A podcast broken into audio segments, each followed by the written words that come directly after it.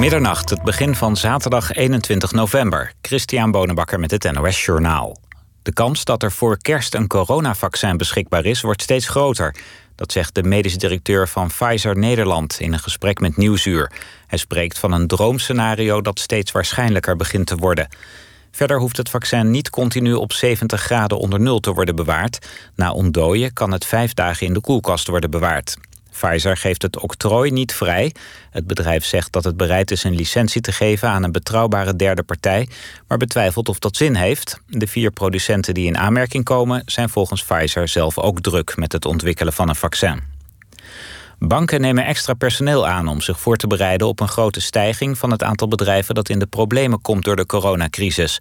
Bij ABN AMRO bijvoorbeeld werken nu 200 mensen op de afdeling die bedrijven behandelt die hun rekeningen niet meer kunnen betalen. 20% meer dan begin dit jaar. Ook de Rabobank heeft ruim 20% meer mensen in dienst. Op het IJ in Amsterdam zijn een veerpont en een binnenvaartschip met elkaar in aanvaring gekomen. Daarbij zijn vier mensen gewond geraakt. Twee van hen zijn naar het ziekenhuis gebracht. De pont was met tientallen passagiers onderweg van Amsterdam-Noord naar het Centraal Station toen hij werd geraakt door het vrachtschip. Veel passagiers begonnen te schreeuwen. Sommige mensen vielen om tussen de fietsen. De politie onderzoekt of er mogelijk een derde schip bij de aanvaring op het ei betrokken was. De politie heeft twee verdachten aangehouden voor een overval afgelopen middag op een juwelier in Katwijk. Bij de overval raakte de eigenaar van de winkel zwaar gewond. Hij werd met een hamer op het hoofd geslagen. Een omstander die probeerde de juwelier te helpen werd bedreigd met een vuurwapen. Het is niet bekend of de overvallers buit hebben meegenomen. De verdachten zijn twee Amsterdammers van 22 en 27 jaar. Het weer. Vannacht hier en daar wat lichte regen of motregen. Het is dan tussen de 4 en 8 graden.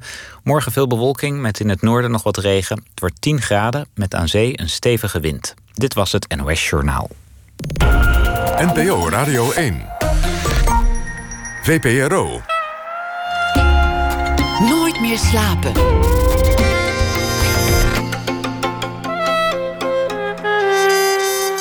Met Tjitske Musche.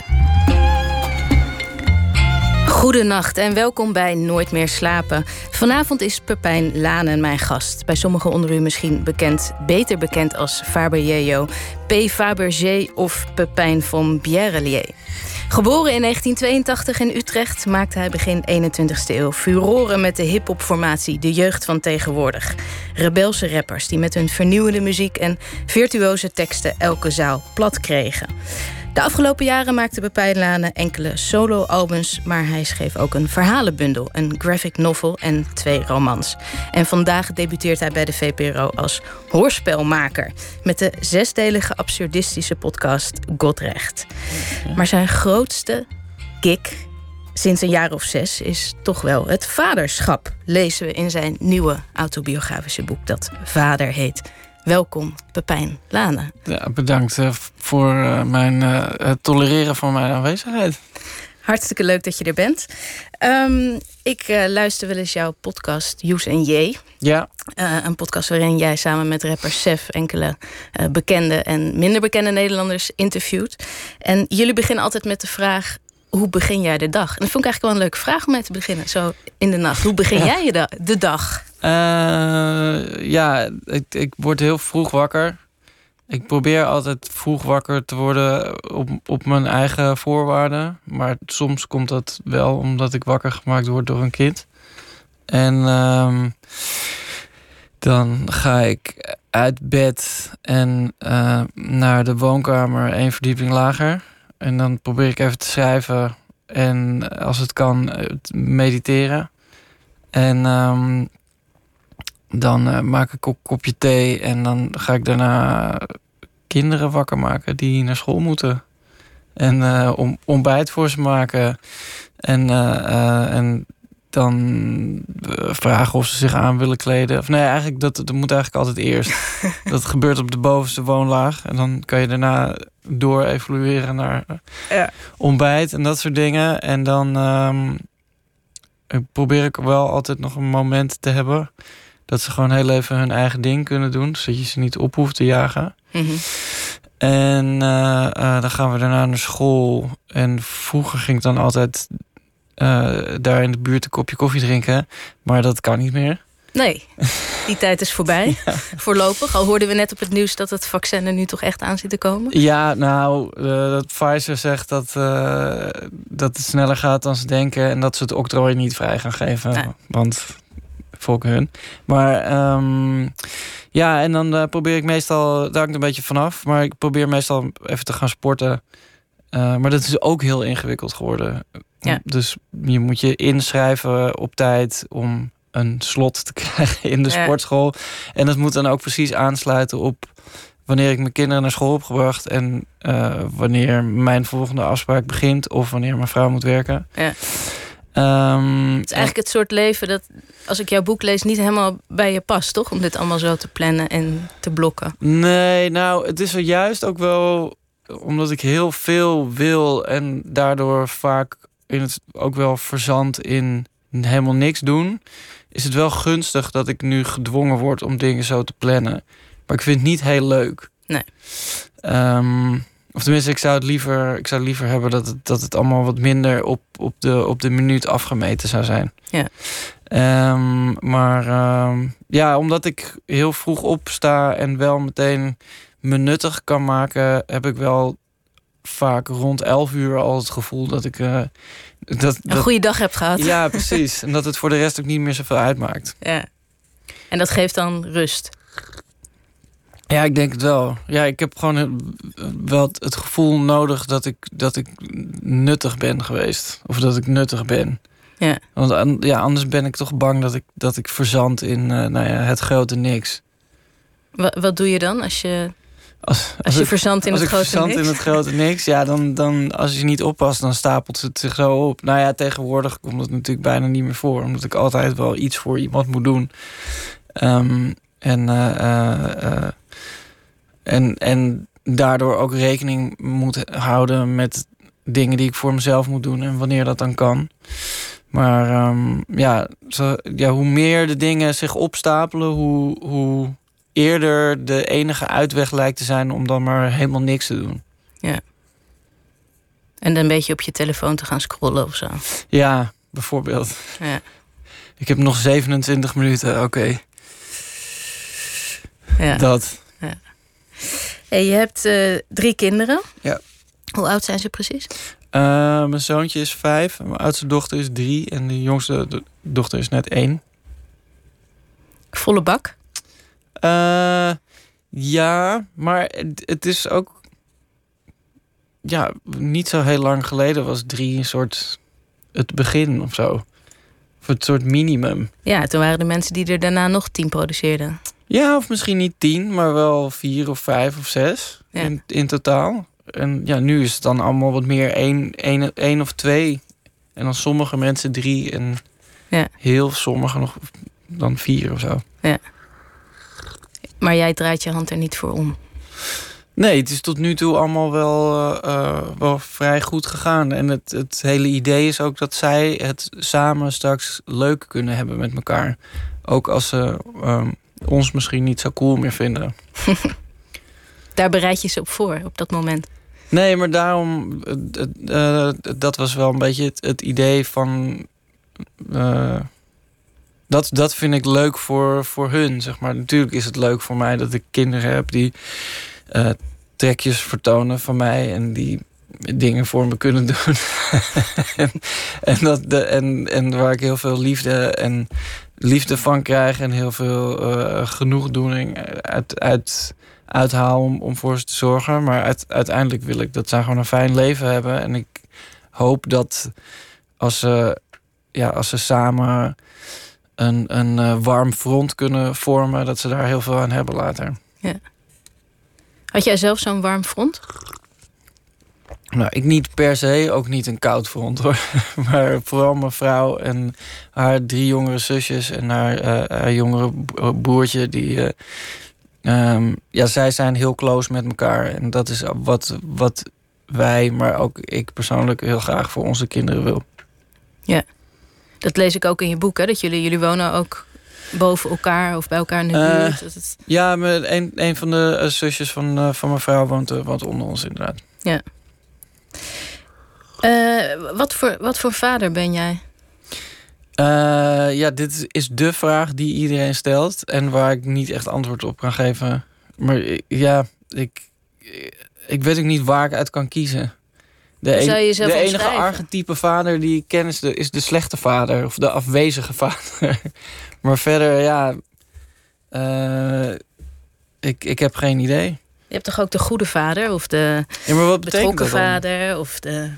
Ja, maar wat betekent zeg maar betrokken vader? Dat lijkt toch ook alleen maar uh, in ieder geval niet een, een afwezige vader. zeg maar, het is niet echt een, een ja, het voelt niet echt als een, als een, uh, een, een volle karakteromschrijving. Nee, maar ik denk dat er wel een, uh, een af, tussen een afwezige vader en een betrokken vader zit nog een heel spectrum. Ja, nee, absoluut. Zeker. Maar ja, ik weet het ook niet. Maar mijn kinderen zijn ook gewoon nog heel klein. Dus ik, ik heb ook nog niet het idee dat er, dat er wel heel specifiek sprake is van, van dat soort typeringen. Ik ben nog. Ik bedoel, ik heb wel al van alles meegemaakt. En ik, ik, ik heb ook wel het idee dat ik een beetje. Uh, een beetje verstand van zaken heb. Maar tegelijkertijd heb ik, heb ik ook elke dag nog weer het gevoel dat ik, dat, dat ik helemaal aan het begin sta van alles. Ze veranderen ook elke dag weer, hè, die kinderen? Ja, zeker. En daar moet jij mee meebuigen. Nou, dat gaat vanzelf. Ook dus, soms heb je dat helemaal niet door. En dan is het al gebeurd. Ja. Je boek, Vader, waarbij de, de E een, een drietje is. Ja. Eh, hoe moet ik dat uitspreken? Je vader gewoon. Toch wel. Ja. Niet, eh, niet hartje of zo. Nee, nee. Maar ehm, ja, het leek me gewoon een leuke knipoog naar het thema. En bovendien makkelijk googlebaar. Oh ja, is dat beter voor het algoritme?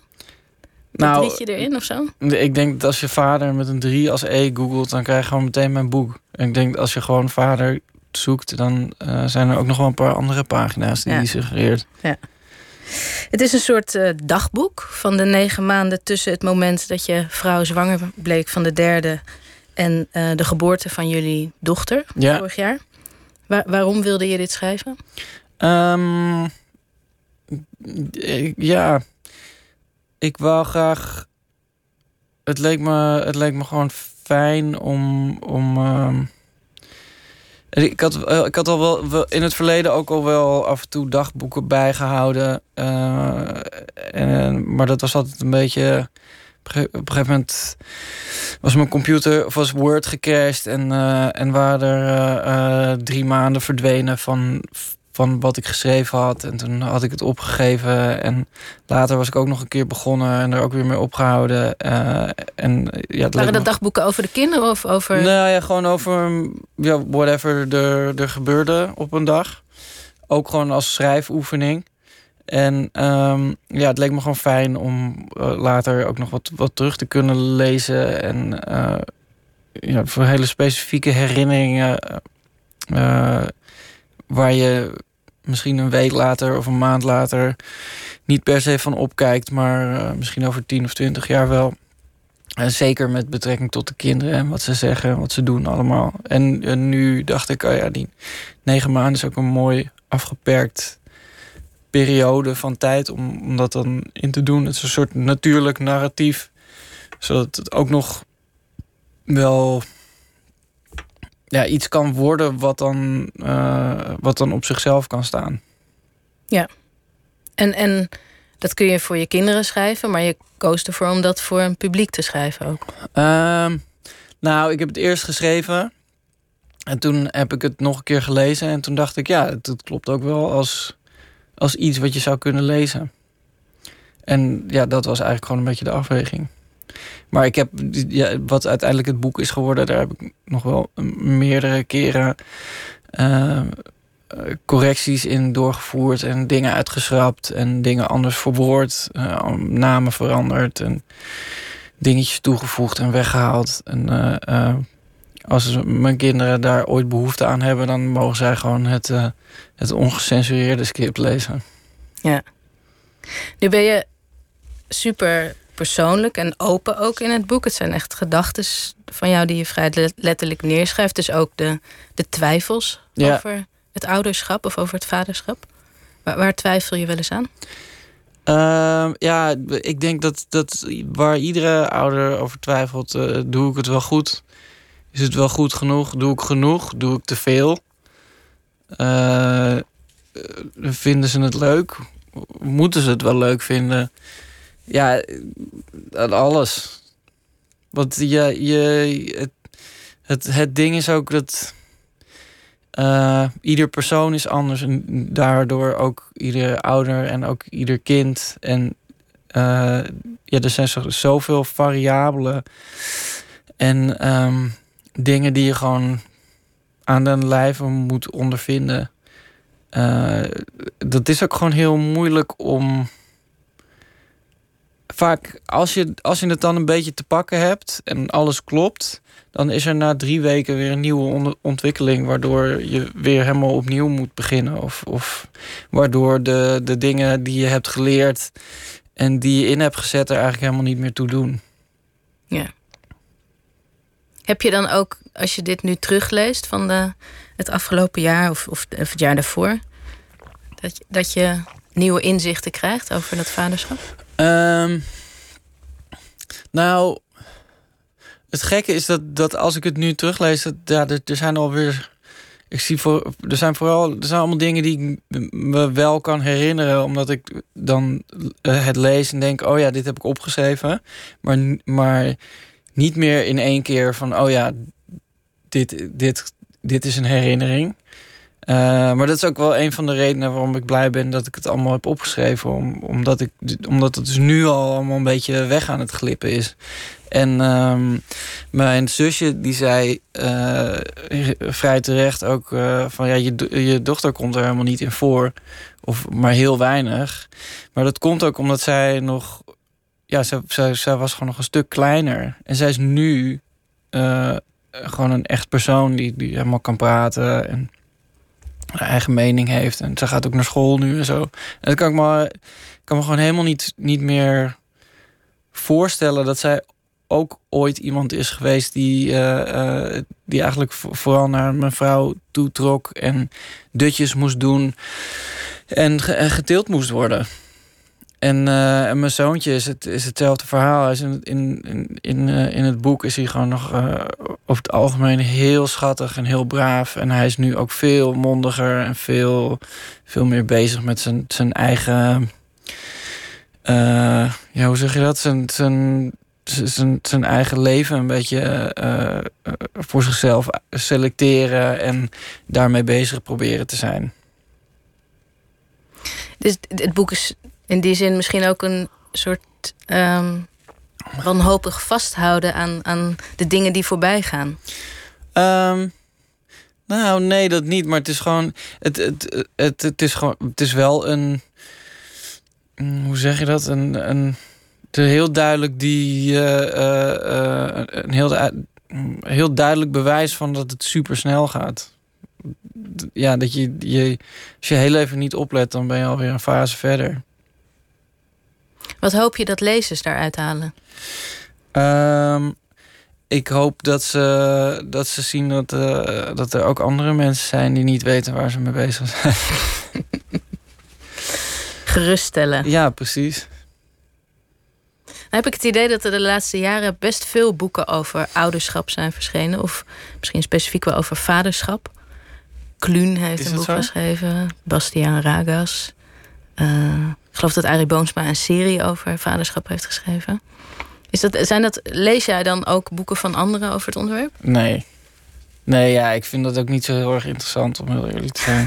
ja, maar dat zijn allemaal meer van die. Van die uh, nou, of nee, ik, ik heb eigenlijk geen idee.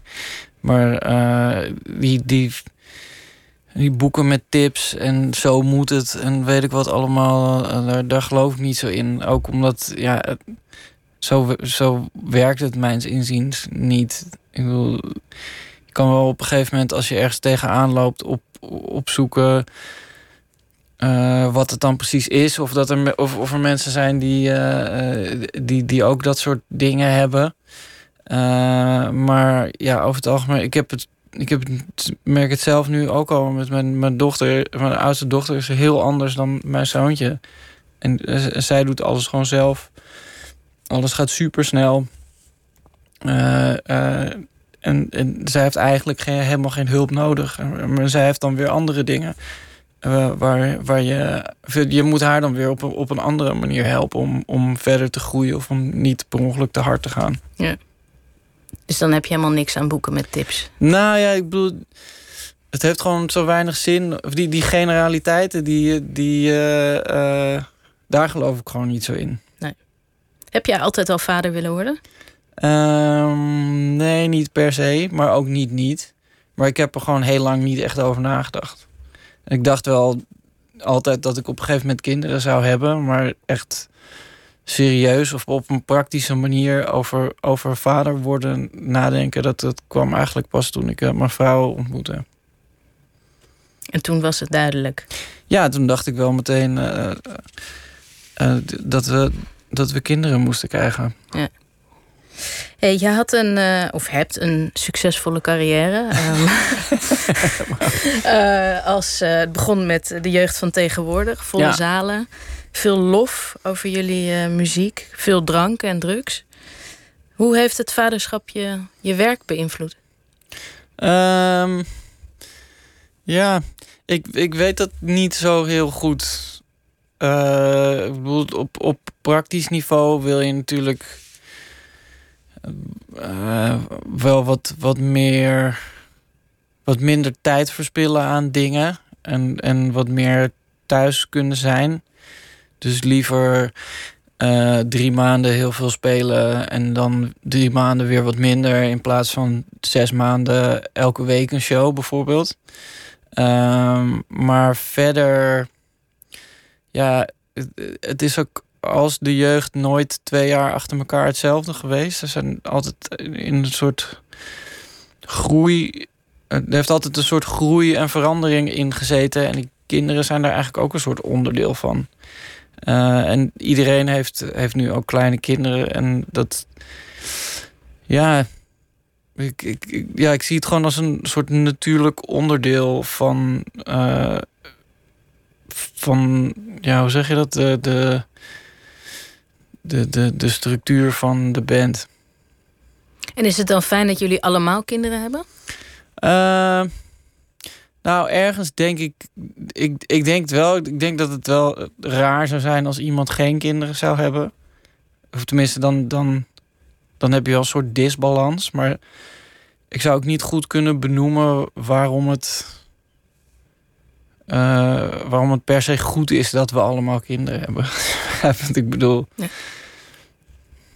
Maar in je boek schrijf je dat die overgang van. Uh, um, je beschrijft het uh, geloof ik als een universum of als een, uh, een ruimtestation. Die, ja. die overgang van niet ouder zijn naar ouder zijn. Ja. Dat het een, alsof je als een astronaut van het ene ruimtestation naar het andere ging. Ja. wa was het zo absoluut? nee, ja, zeker. Ehm, ja, ja, je kan ook niet meer terug of zo. Naar, als, ik nu, als ik nu nadenk over. En dan niks ten nadele van, van uitgaan en een leuke avond hebben. Maar als ik nu nadenk over dat ik dan vroeger ergens naartoe ging en om drie of vier uur thuis kwam. En de volgende dag pas om twee uur opstond. Dan, dan denk ik echt, hè, wat die, die, die die kostbare tijd, zeg maar, het, het voelt gewoon zo, zo frivol dat ik me niet kan voorstellen dat. dat, dat ik, ik kan me dat in, in deze huidige omstandigheden gewoon helemaal niet meer voorstellen. Maar in het boek omschrijf je het ook eens als onzinnig. De tijd die je ervoor hebt. Uh, ja, nee, maar dat bedoel ik. Maar dat, maar dat is wel met dit in het achterhoofd.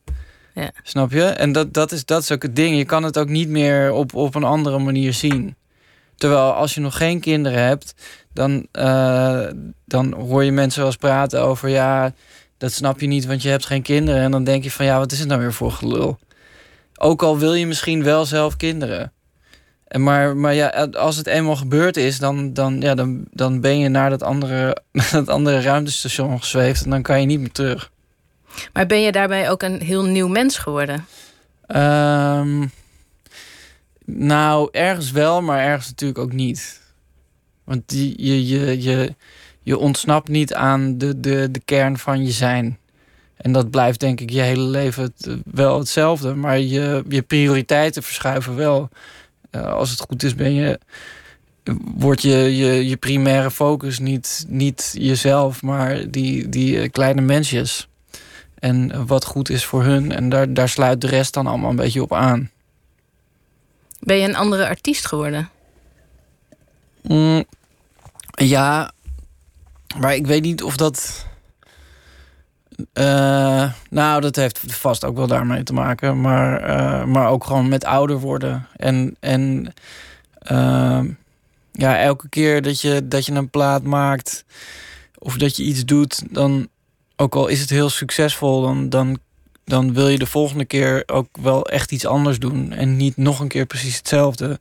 Dus het is ook inherent aan het kunstenaarschap om, uh, om, om door te groeien en steeds in ieder geval net iets anders te doen. Je bent ook over ze gaan zingen. Ja. Um, over dat nieuwe leven. Zullen we een stukje luisteren van het nummer Lego Kastelen? Música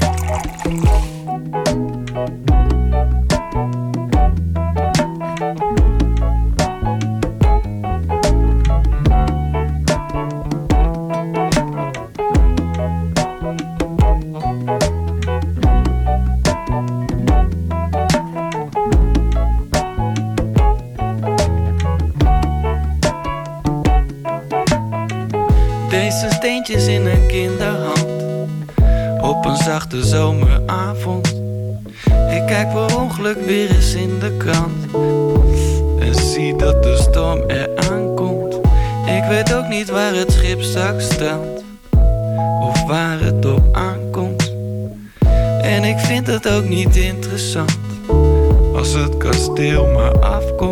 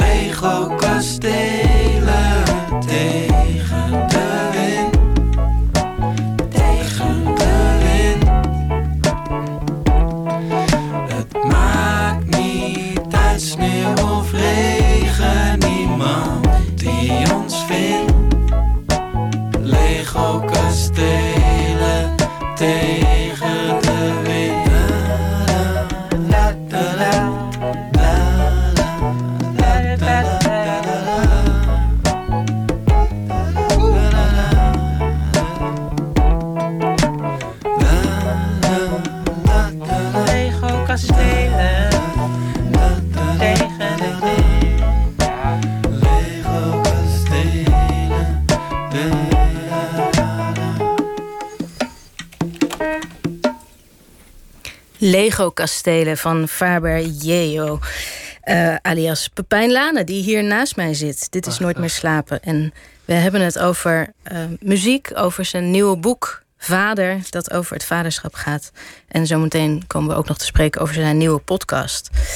Um, Ja, dit, dit nummer Lego Kastelen, dat Ja. verscheen vorig jaar.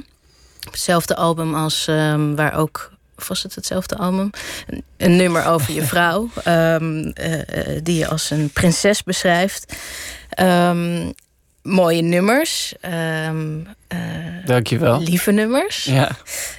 Hoe, hoe vinden jouw fans dat eigenlijk? Dat je ineens over Lego Kastelen en prinsessen gaat schrijven? Ik heb geen idee. Maar ik heb ook niet. Ik, ik heb niet een heel duidelijk beeld van. Van wat mijn fans zijn of wat zij vinden. Eh, Ik probeer daar ook niet te veel mee bezig te zijn. Gewoon eh, dingen te maken die ik tof vind en waar ik enthousiast van word. En dan eh, te hopen dat andere mensen dat ook leuk vinden. Maar je houdt dat niet, je, zit niet stiekem op Twitter te kijken of weet ik veel. Op, nou ja, als ik iets uitbreng, dan probeer ik wel een beetje te peilen of het goed terecht is gekomen. Maar ik, ja, ja, ik probeer daar ook niet te veel in te, in te gaan. Is het, eh, was het van tevoren iets waar je dan mee bezig was? Nee, ook Dus niet. Nee, Je zeker kunt dat niet. helemaal autonoom eh, doen. En, en, Ja, als op mijn, eh, mijn ervaring. in mijn ervaring is het gewoon zo dat als, als, als ik ergens. Als ik iets maak omdat ik het graag wil maken en omdat ik het tof vind en, omdat ik en als ik er blij van word, dan, dan vinden andere mensen dat vaak ook wel leuk. En als ik de, de enkele keer dat ik, dat ik dan iets gedaan heb eh, om iemand een plezier te doen of, of, of eh, eh, ja, waar ik zelf nog niet zo heel veel mee had, daar, daar gebeurde dan eigenlijk het minst mee. Dus dat probeer ik gewoon altijd als, als kompas te gebruiken. En dat, ja, dat werkt voor, volgens mij ook wel goed. eh, lijkt Ja. me wel, ja. Eh, ik, ik moest wel lachen. Een passage in je boek waarin je beschrijft dat je dan op dat podium staat in Paradiso. Ja, Ehm, waar, waar je ook een beetje de overgave mist op dat moment, geloof ik, van het publiek. Dat is Ja. een, een heel begripvol publiek, maar, maar jij wil de overgave. ja, En vervolgens ehm, is het klaar en ga je naar huis en pak je je fiets. En dan twijfel je even of je direct naar je fiets zal lopen, omdat daar eh, kinderzitjes op zitten. ja. En of die, die dead bike, zoals je dat dan noemt, of, dat wel, of je dan nog wel in character bent. Daar zit dan toch een spanning tussen die Pepijn op het podium en de vader Ja. Pepijn. Nee, maar de, wat ik het aller. Ik, ik vind dat heel, heel fijn. En dat vind ik ook het leuke aan in Amsterdam wonen. Maar een show in de Paradiso. En dan daarna eh, gewoon met de fiets naar huis of lopen naar huis. Dat doe ik ook wel eens. Eh, ja, dat. dat ik weet niet, dat vind ik gewoon super fijn. Dat je, dat je het ene moment er helemaal in kan, in kan zitten. En het andere moment weer gewoon een individu bent in een stad met heel veel individuen. Eh, maar soms heb je nog een beetje die overloop tussen eh, dat mensen, mensen aan de voorkant eruit gaan. En eh, nu was ik, dus, eh, was ik dus met de fiets gekomen met het kinderzitje. Maar toen zag ik daarna Willem, van, eh, bekend van het album Man in Nood. En die, die was ook zijn fiets los aan het maken met twee kinderzitjes erop. dus toen dacht ik, ah ja, oké, het, wel- het, het, het kan wel. En zijn jullie toen een beetje stiekem weggesnikt? Of was het. eh, Ja, ja, nee, maar hij had het precies hetzelfde. Hij stond daar ook gewoon weer. Want ik, ik ken hem best wel goed. Hij woonde eh, eh, vroeger in de straat achter ons. En dus ik, ik, ik spreek, spreek hem ook best wel vaak. Maar ik kon het ook wel gewoon zien dat hij alweer in die. In, in, in de. de eh, de Willem was veranderd die ik gewoon tegenkwam als ik eh, in de buurt boodschappen aan het doen was of zo.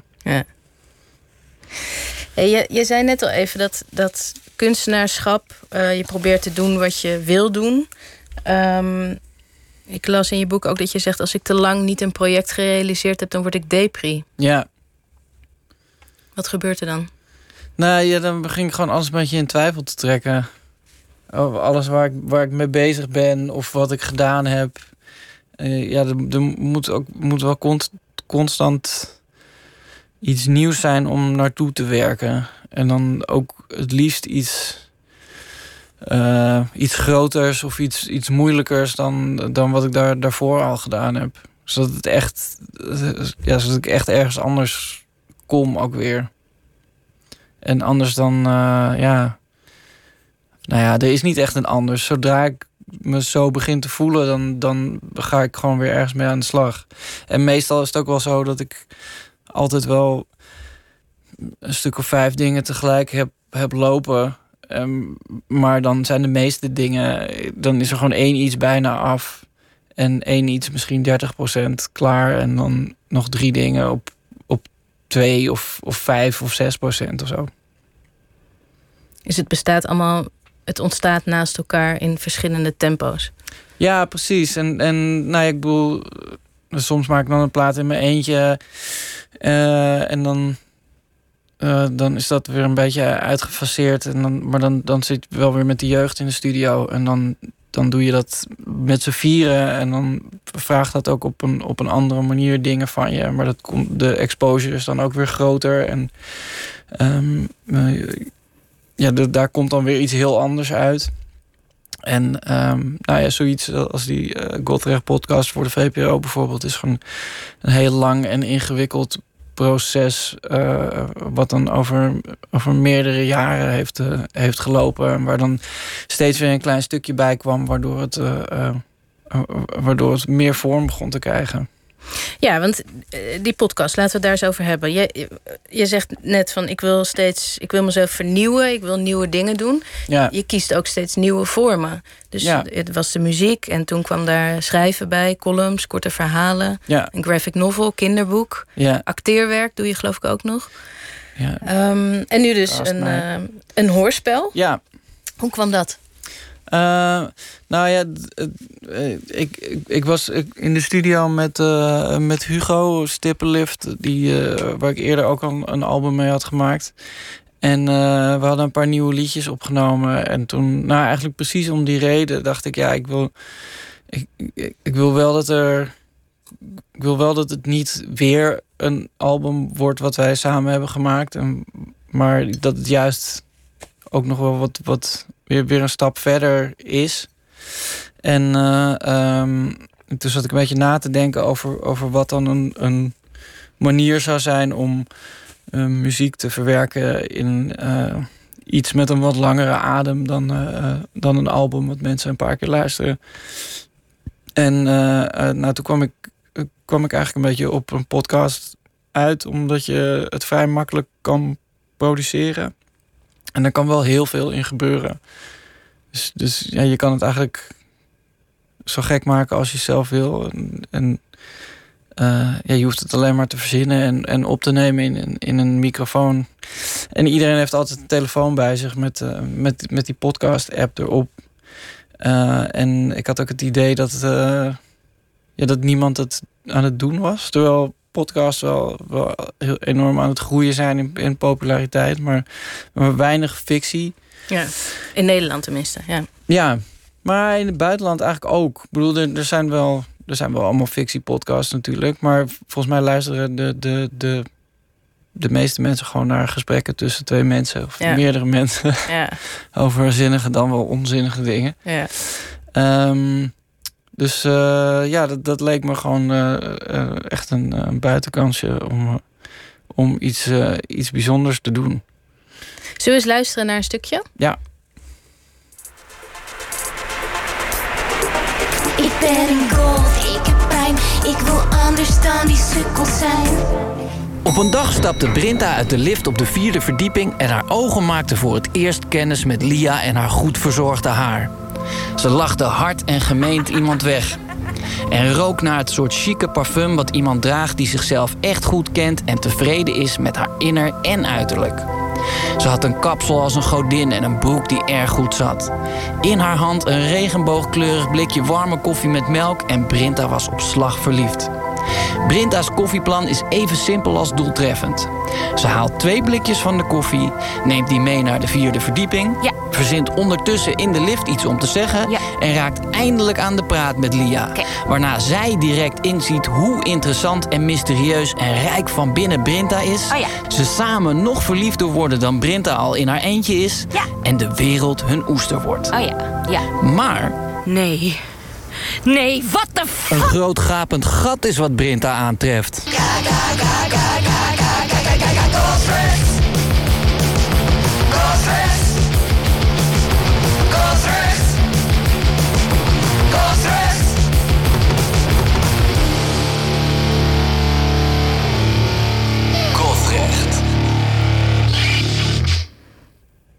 Ja, dat was de trailer, hè? Ja. Wat is Godrecht? Uh, een uh, zesdelige fictie-podcast-serie over een. Uh, ja, het is een, eigenlijk een romantisch actieavontuur met zombies dat zich afspeelt in een kantoorgebouw dat het Pierre Bokma-complex heet. Ja, met als hoofdpersoon Brinta. Ja. Een, een, een zonderling figuur. Een goth, een outsider. Ja. En, een, en ook een underdog. Die verliefd wordt. Ja. Nou, is eigenlijk al. Is. Ja. Op uh, uh, een, uh, een collega en um, ze drinken toevallig allebei als enige van de, de speciale blikjes warme koffie van de speciale Japanse koffieautomaat uit het cafetarium. En als zij besluit om een, een, blikje te gaan halen om een gesprek te beginnen met die collega, dan is die koffieautomaat ineens weg. En dan verschijnt de systeembeheerder Dries, die toevallig wel weet waar die koffieautomaat is. En zegt tegen Brinta dat als hij haar met iets anders helpt, dat hij dan zal laten zien waar die koffieautomaat is. En dat is eigenlijk het begin van een uh, hele rare, lange dag met uh, nou ja, van alles en nog wat. Explosies ja. en zombies. Explosies en zombies en een, uh, een kopieerapparaat, een vergeeld kopieerapparaat dat ja. uh, de stem van Pierre Bokma heeft, of Pierre Bokma is, of is geweest. Ja, de geest van Pierre Bokma. Ja. ja. Hoe, hoe ontstaat dit in jouw hoofd? Um, ja. uh, ik weet het niet. Ik weet, om heel eerlijk te zijn, weet ik dat eigenlijk niet eens meer precies. ik, ik, ik had gewoon een paar losse ideeën. Um, over een, een, een kantoorcomplex met, met, een, met een paar verdiepingen, wat wel zichzelf heel belangrijk vindt. En um, een, een actieavontuur wat dan zo in elkaar zou zitten dat je, uh, dat je in elke aflevering op een andere verdieping bent. En um, de liefde vind ik ook altijd heel belangrijk om uh, naar voren te schuiven als. Uh, uh, hoe zeg je dat? Als, als, als belangrijke waarde. Omdat ik dat, dat vind ik gewoon fijn. Ik hou ook van een love story die, die goed afloopt. En toen dacht ik. Ehm, dat, nou, dat iemand iemands hart moet veroveren. En toen was ik eerst, dacht ik dat het een, een jongen was. Dan, toen dacht ik, ja, maar dat vind ik dan ook weer zo suf. Gaat er dan een vrouwelijke collega die moet Beetje dan. cliché. Ja, ik vond het ook gewoon ineens zo. Ja, die, wat moet hij dan iets doen om diegene te winnen? Maar toen dacht ik, ja, als, het een, als het een vrouw is, dan, dan heb je al die clichés eigenlijk niet. Zeg maar. dan, dan is het gewoon fris en uh, dan, dan kan het ineens allemaal wel. En daar. Uh, ja, zo is het eigenlijk een beetje, een beetje verder ge, geëvolueerd. En uh, ik, ik weet eigenlijk niet meer precies waarom er een geest in een kopieerapparaat moest zitten. Het werkt wel, vind ja, ik. nee, zeker. Maar ik weet niet meer precies waar die gedachtegang vandaan ja. kwam. Maar op zich, dat, dat absurdistische en, ja. en zelfs zo'n zo'n kantoor, dat is, uh, dat is een thema dat vaker voorkomt, in ieder geval in jouw um, verhalen. Ja. Um, wat, wat, wat trek je daar zo in aan, dat absurdistische, surreële? Um, ja, ik, ik, ik, hou er, ik hou er wel van. Ik vind het gewoon leuk als je een, uh, een bekende setting of een vertrouwd idee kan gebruiken als springplank voor iets helemaal nieuws. En um, ik, ik denk ook dat. Uh, ik, ik zie daar ook heel veel ruimte in binnen Nederlandse fictie of drama, of hoe je het wil noemen omdat het vaak heel erg specifiek Nederlands op een bepaalde manier is. Terwijl er, er, er eigenlijk kan natuurlijk alles als je het maar verzint. Al helemaal in, in hoorspelen en in, uh, in geschreven tekst. Um, uh, en, en dat vind ik, ja, dat vind ik leuk. Ik zie daar heel veel, heel veel mogelijkheden in. Is het ook een soort escapisme uit de dagelijkse... Dat, dat vroeg laatst iemand ook al. Maar, maar ja, op het moment dat ik iets schrijf... ben ik niet aan het escaperen. Dan, dan ben ik dat aan het schrijven omdat ik, dat, omdat ik het leuk vind. Omdat ik, denk, omdat ik benieuwd ben wat er met een karakter gaat gebeuren. Dat ik zelf ook wil weten waar het verhaal naartoe gaat. En ehm, eh, dat is anders dan als ik zelf een boek lees of naar een, naar een film kijk of een fictiepodcast luister en, en wil escaperen. Maar ik ben dol op escapisme, want uh, ja, de, de wereld, uh, daar moet je het niet van hebben. nu, nu niet althans. Die, dus die, die alternatieve wereld, die, die biedt jou uh, kansen om, um, om het beter, beter te maken? Um, nou, ik, ja, ik, vind, ik vind het lastig om, om, om te zeggen. Maar ik, ik, ik vind dat daar, daar ligt gewoon heel veel. En ik probeer altijd nieuwe dingen te doen. En niet, uh, niet dingen die andere mensen al een keer gedaan hebben, uh, beter te doen. Ja, want er zitten wel vleugjes uh, Jiske Vet of Torres C, moest ik wel eens aan denken. Of, uh... Ja, ja Jiske Vet uh, misschien tot op zekere hoogte. Torres C ken ik alleen van naam, heb ik, heb ik nooit, nooit geconsumeerd. Dus dat weet ik ook niet precies. Maar ik denk dat de, de, het kantoor als... Is het, het kantoor en de werkvloer is sowieso een hele vruchtbare bodem voor... Um, voor vermaak, omdat dat het voor zoveel mensen uh, hun, hun, dagelijkse bestaan is. En om, omdat je ook heel graag wil, omdat het vaak zo'n saaie of, of repetitieve hersendode plek is, dat je wel heel graag wil dat er, dat er uh, achter een deur een, een romance of iets grappigs of iets heel avontuurlijks wacht. Ja. Dus het is eigenlijk heel logisch dat veel van die. Uh absurdistische humor daar vandaan komt. Nou ja, ik, ja, ik snap gewoon heel goed waarom dat, uh, uh, waarom het op zo'n manier werkt. Juist omdat dat het zo saai is, wil je denk ik ook als. Uh, ja, wil je ook graag geloven dat er, dat er iets fantastisch kan gebeuren op zo'n plek. Het klinkt alsof je ervaring hebt op een kantoor. Ja, ik heb, ik, ik, ik heb nadat ik mijn middelbare schooldiploma heb, gehaal, ha, heb gehaald jaren geleden heb ik uh, uh, drie maanden fulltime op een kantoor gewerkt via een uitzendbureau. Ah. Ja. Heb jij wel eens op een kantoor gewerkt? Een week. ook, ook, ook in mijn studietijd moest ik nummerborden invoeren bij ja. een garagebedrijf. Ja, precies. Maar ik gewoon... weet zeker dat ik zoveel fout heb gemaakt dat die hele administratie in het honderd is gelopen. Ja. ja. Nou ja, dat zoiets deed ik ook. Ik weet eigenlijk niet eens meer precies wat, maar gewoon met zo'n computer en dan papieren. Ja. En dan stonden hier cijfers en die moest je dan in een spreadsheet invullen en een stempel opzetten. En dan als je bakje leeg was en je let even niet op, dan was het weer vol.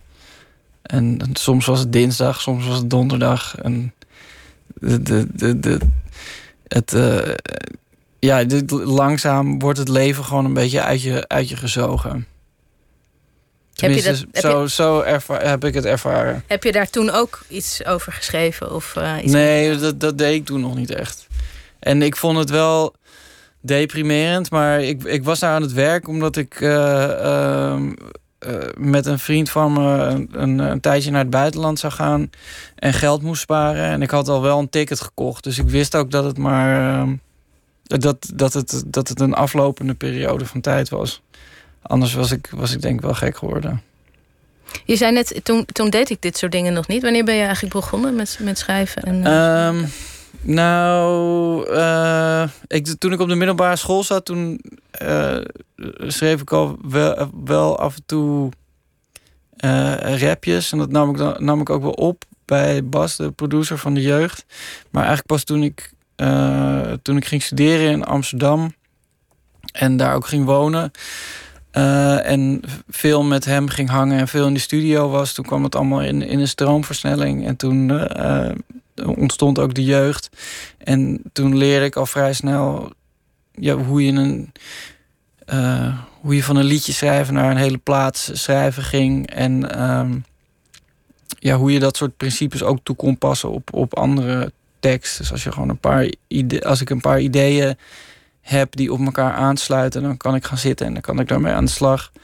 En uh, um, ja, door die dingen echt te zien gebeuren, geloofde ik ook dat ik wel dat, dat er andere dingen waren die, die ik wel zou kunnen, zoals een, een korte tekst schrijven en dat soort dingen. Maar dat was echt pas in, ja, echt pas toen ik, toen ik daar mee bezig was. En pas toen ik uh, op een gegeven moment die uh, die bundel met korte verhalen had gepubliceerd. Toen dacht ik van ja, nu moet er ook wel echt een langer verhaal komen. Want anders dan, dan heb ik alleen maar. Dan ben ik die gast die dat boek met korte verhalen gepubliceerd heeft. Dat is dan ook weer niet, niet goed genoeg.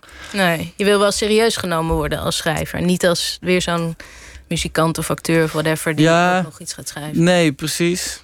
Precies dat. En, maar, en ik wil ook, ook niet dat, je, dat mijn kinderen of mijn kleinkinderen dan later één boek met korte verhalen in, in de kast vinden. En dan denken: waarom is dit, het, is dit dan alles wat er is?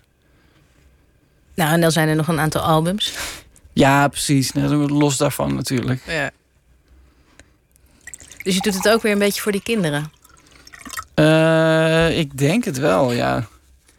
Dus dat toch nog een beetje indruk op ze kan maken. Als ze me straks niet meer nodig hebben. En hoe hoop je dan dat ze over jou, hoe ze jou beschrijven tegenover hun vrienden tegen die tijd? Uh, ik heb, ja, ik heb geen idee.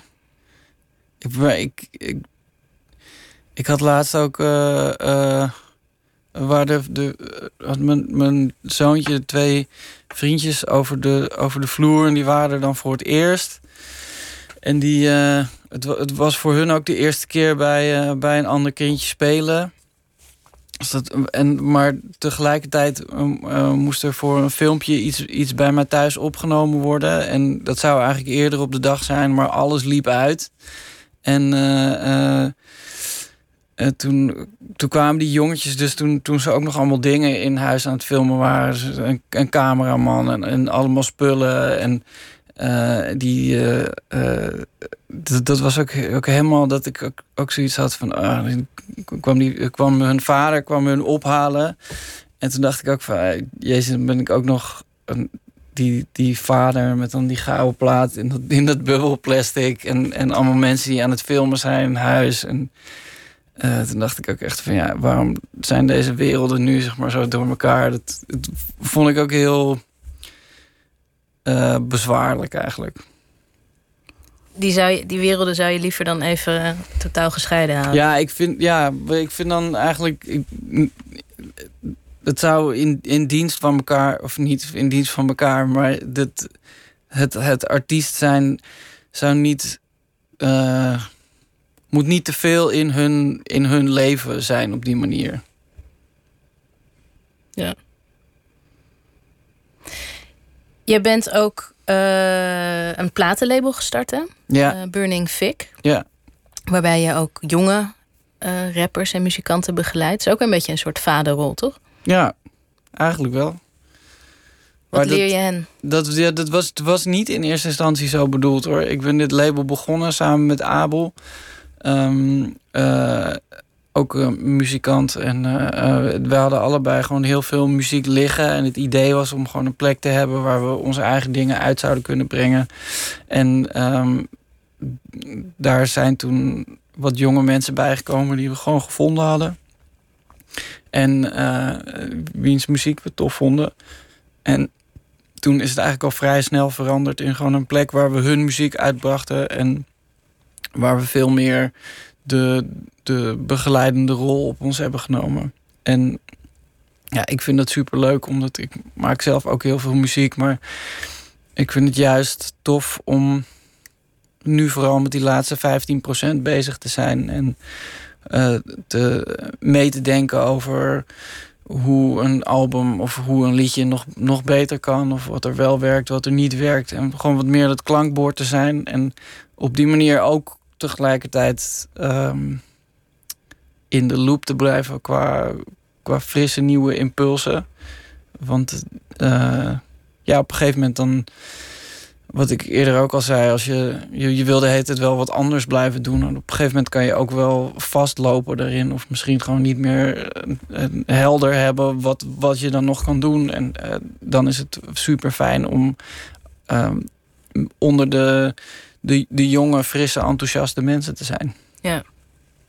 Dus het gaat enerzijds over misschien erfenis of nalatenschap. Je, eh, je geeft iets door aan een nieuwe generatie, maar je gebruikt de nieuwe generatie ook voor uh, Zeker. inspiratie. Ja, nee, zeker. En ehm, ja, nee, dat is, was in, dat is in, in, vind ik inderdaad ook de. Ik, ik hoop ook dat, dat we zijn ben natuurlijk gewoon al, al 15 jaar aan het, aan het optreden en muziek uit aan het brengen. Dus ik hoop ook wel dat ik dan dat ik iets daarvan eh, kan gebruiken om andere mensen mee te helpen op een, op een, ja, op een soort uh, manier die niet echt in, uh, in goederen of, of valuta te vangen is. Wanneer heb je voor het laatst zelf opgetreden? Um, nou, we hebben vorige week een filmpje opgenomen in het Rijksmuseum, waar we op gingen treden ook. Maar ja, publiek? Nee, nee, niet echt. En, uh, uh, en daarvoor was in, uh, in de Ziggo Dome. En dat, dat was ja, in juni of zo. Oké, okay, nog ja. wel. Ja. ja, dat was toen, toen met corona zomervakantie. Ja. Toen er ineens niks meer aan de hand was. Ja. Maar hoeveel man publiek had je daar? Um, ja, wat was het? 1500 of zo? 1800? Ah, ja. ja. ja. Mis je het? Ik mis het niet echt, maar ook wel weer wel. Uh, ja, het, het, het, is gewoon raar. Het, het is zo lang mijn, gewoon mijn, de, de uh, zeg de, de, kern van, van, mijn, van mijn dagelijkse bestaan geweest. Ik merk nu bijvoorbeeld ook dat uh, de, vroeger als mijn manager ons een bericht stuurde, dan was het gewoon heel erg sturend. Van we moeten dit doen, we moeten hier even over samenkomen, dan, dan en dan. En nu zegt hij ook, jongens, kunnen jullie, kunnen jullie misschien dan en dan? Want uh, uh, dan kunnen we het heel even daarover hebben. Lukt dat? Ja. Heeft iedereen plek in de agenda? Om, omdat, ja, het is gewoon een soort... Het is niet meer... Uh, we, we, zijn niet meer in, inkomsten af, afhankelijk van optreden. Want, want dat, dat is er niet. Dus iedereen is gewoon een beetje met, met andere dingen bezig. En het is... Ja, we zijn op een soort gekke... In een soort gekke tussen, tussenvorm. Maar ontstaan daar niet juist ook weer nieuwe dingen? Dat je misschien meer tijd hebt om samen in de studio te zitten of zo? Um, nou ja, we zijn wel gewoon altijd. Uh, we, we zijn wel gewoon nieuwe muziek aan het maken. Maar dat is ook een beetje gek. Want je wil eigenlijk gewoon een plaat opnemen en die dan uitbrengen en dan uh, daarmee toeren. Uh, en ja, dat, dat is nog steeds niet duidelijk wanneer dat, uh, wanneer dat gaat zijn. Weet je, het is ook niet zo dat ze nu kunnen zeggen... ja, over een half jaar kan het wel weer. Zelfs, ja. weet je, zelfs die garantie heb je niet. En um, ja, niet al onze muziek gaat over knallen... maar je wil, ja... Het is ook een soort afweging. Zeg maar, ga, je, ga je het niet benoemen? Ben je een soort van aan het liegen tegen jezelf? Of ga je het wel benoemen en... en ga je dan door de knieën? Weet je, geef je dan toe aan, aan de situatie? Dat, dat is heel gek. Ja. En de, die podcast, daar komt ook nog een plaat bij uit, toch? De nummers uit de ja, podcast. Zeker. Ja, ja. Uh, ja ik uh, weet nog niet helemaal precies wanneer, maar uh, begin volgend jaar Magnetron samen met, met Burning Fig. En in elke aflevering zitten twee nieuwe liedjes geproduceerd door Stippenlift en geschreven door mij, soms ja. samen met Stippenlift. En ja, twaalf nieuwe nummers. Het zit erop. Het is tijd om te gaan slapen zometeen. Hoe, we begonnen het gesprek met hoe jij de dag begint. hoe, hoe, eindig jij de dag? Um, nou, over het algemeen ga ik heel vroeg naar bed, maar dat is nu al niet meer gelukt. Nee. je moet nog naar huis rijden en misschien nog even een slaapmutsje achterover slaan. Ja, misschien ga ik dat wel gewoon doen, inderdaad. En morgenochtend weer Lego kastelen bouwen. Precies. Dankjewel, Pepijn Lane. Ja, Dit was Nooit meer slapen. Maandag zit hier Helene van Rooyen, de schrijver. Zij is dit jaar 20 jaar schrijver. En om dat te vieren is de jubileumbundel Moeder, Dochter, Minnares verschenen. Goeienacht.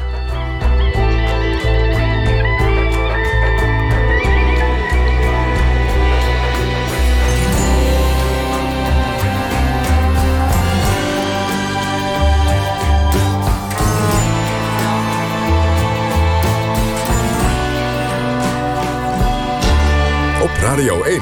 Het nieuws van alle kanten.